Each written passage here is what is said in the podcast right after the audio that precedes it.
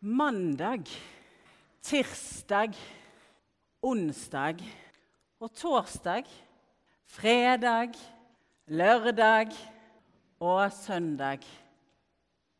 La oss høre Herrens ord. Det står skrevet i evangeliet etter Lukas.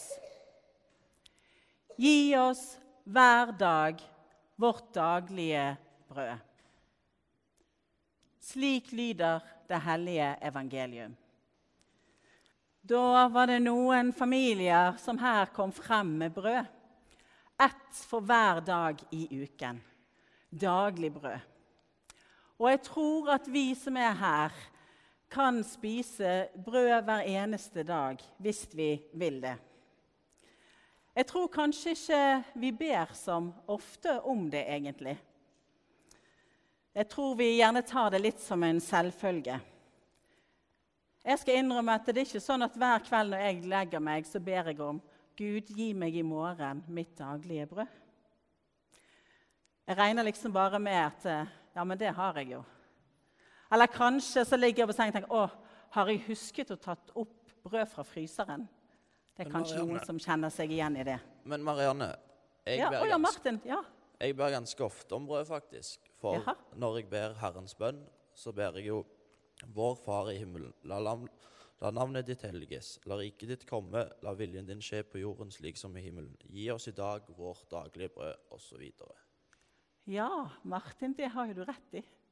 For hver eneste gang vi samles her i kirken til gudstjeneste, så ber vi den bønnen. Vi ber om brød. Og kanskje det er, bønn, det er flere bønner etter hverandre i Herrens bønn. Og kanskje tenker vi på brød når vi kommer dertil. Men det kan òg være at eh, noen ganger bare liksom ber vi det litt fort uten å tenke så mye på brød. Jeg tror at det er mennesker andre steder enn her i Lure kirke som kanskje tenker enda mer på brød når de ber den bønnen. Om de virkelig får det neste dag. Og I dag så skal vi få samle inn penger her i kirken. Ja, Ikke bare her, men i hele Norge skal det samles inn eh, penger. Og det skal ikke gå til mat, men det skal gå til medisiner. For Leger uten grenser har TV-aksjon i år, og den går av stabelen i dag. Og de bruker pengene til medisiner. Og det som er en måte vi kan gjøre på, er å bruke litt av våre matpenger. Kan vi være med på å gi videre. Og mange restauranter i dag gir penger til TV-aksjonen. De gir litt av omsetningen. Det som de selger for i dag, så gir de litt av pengene til TV-aksjonen.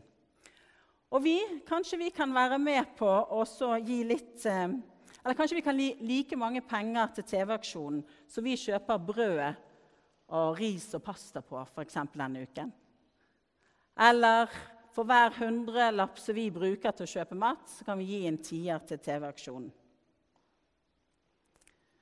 Vil dere bli med på det? Det spør de fra TV-aksjonen òg. Og så er det jo sånn at eh, brødet i den bønnen som vi ber, gi oss i dag vårt daglige brød, det betyr ikke nødvendigvis bare brød. Vi ber i grunnen om mat. Det kan være som jeg sa, ris eller pasta eller andre ting òg. Det er ikke alle som liker brød. Og så er det sikkert noen her som ikke tåler sånn vanlig brød fordi at det er gluten i. Men brød er noe som det spises over hele verden. Så jeg tenker det var smart av Jesus jeg også putte inn brød der i den eh, eh, bønnen. For det brukes spises i forskjellige former, det brukes litt ulikt mel. Men det er et godt eksempel på hva mat er. Og Hvis vi ser her, så er det Her var det et foccacciabrød. Og her er det vel litt sånt Det var litt lett, selv om det ser litt grovt ut. Av og til lurer det oss litt. Et rundstykke. Ah, baguette. er ikke det? Jeg vet ikke hvordan vi uttaler det. Det tar man alltid og krangler litt om i Norge, men det er opprinnelig fransk. Og så er det et godt, gammeldags norsk grovbrød. Sånn som foreldre pleier å si til dere barn. Sånn må dere ha med i matpakken. sant? Sånn, jeg tror ikke det er så mange som får sånn med i matpakken. Pleier å være det mer føde for hjernen i sånn godt grovbrød. Og så har vi litt nanbrød. Brukes i hvert fall i India. Enda et grovbrød, og så en lefse. Brød steikes og brukes på mange forskjellige måter rundt om i verden. Men det er mange som bruker brød. Og så er det jo sånn at eh, mange barn de må faktisk ha medisiner de, for å kunne klare å bli frisk nok til å spise. Og for noen så er jo faktisk mat medisin i seg sjøl. Og så er det sånn at Seinere i gudstjenesten om litt så kan vi faktisk få komme frem her til dette bordet. Eller vi setter oss rundt der. Og så kan vi få et sånt lite glutenfritt brød. Det. Og der er det et bilde av Jesus på. For det siste måltidet som Jesus spiste med vennene sine før han døde, da hadde de bl.a. brød. Og sa til vennene sine at seinere når dere er sammen og tenker på meg, så skal dere spise brød. Og dette brødet, det er kroppen til Jesus. Og alle som har lyst til å være venner med Jesus, kan komme opp hit og så få spise et sånt lite brød. For det kan gi oss nye krefter. Så det er godt at vi får litt mat på kirkekaffen nå, for dere ser dette brødet er ikke så veldig stort. Men det er mer enn akkurat det lille melet som er brukt for å lage det. Det er bilde av Jesus, og vi får Guds kjærlighet i det brødet. Og så får vi òg litt å drikke, litt alkoholfri vin, som et symbol på Jesu blod. Og før vi spiser dette brødet i eh, nattverden, så ber vi faktisk hele Herrens bønn. Og da ber vi om å få daglig brød. Oi, oi, oi, nå ble det veldig mye brødsnakk her. He? Alle kommer til å gå hjem og huske brød, brød, brød. Kanskje noen drømmer om brød i natt. Det vet ikke jeg. Men eh, disse brødene kommer til å bli litt tørre etter hvert. Og tørre brød er nok kanskje ikke noe særlig. Men vi er nå heldige, vi kan ofte varme det litt opp i brødristeren eller ovnen eller et eller annet. Steike det. Men altså, vi kan jo ikke bare spise brød. Det står til og med i Bibelen. det. Mennesket lever ikke bare av brød.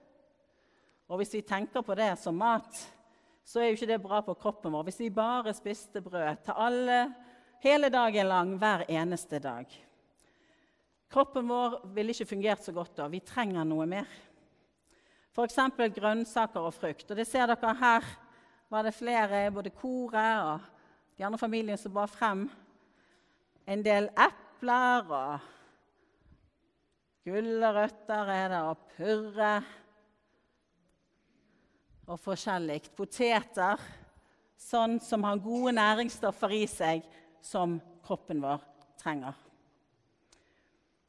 Og så står det faktisk i Bibelen utenom mat, så trenger vi ordene som kommer fra Guds munn. Vi trenger å høre på hva Gud har å si oss, sånn at vi kan leve godt med hverandre her på jorden. Så vi klarer å dele med hverandre det som vi har, og med andre. Og vi klarer å takke. For vi feirer høsttakkefest her i dag.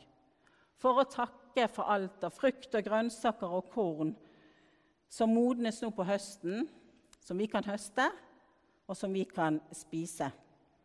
Og som kan gi oss noen av de kreftene vi trenger for å leve.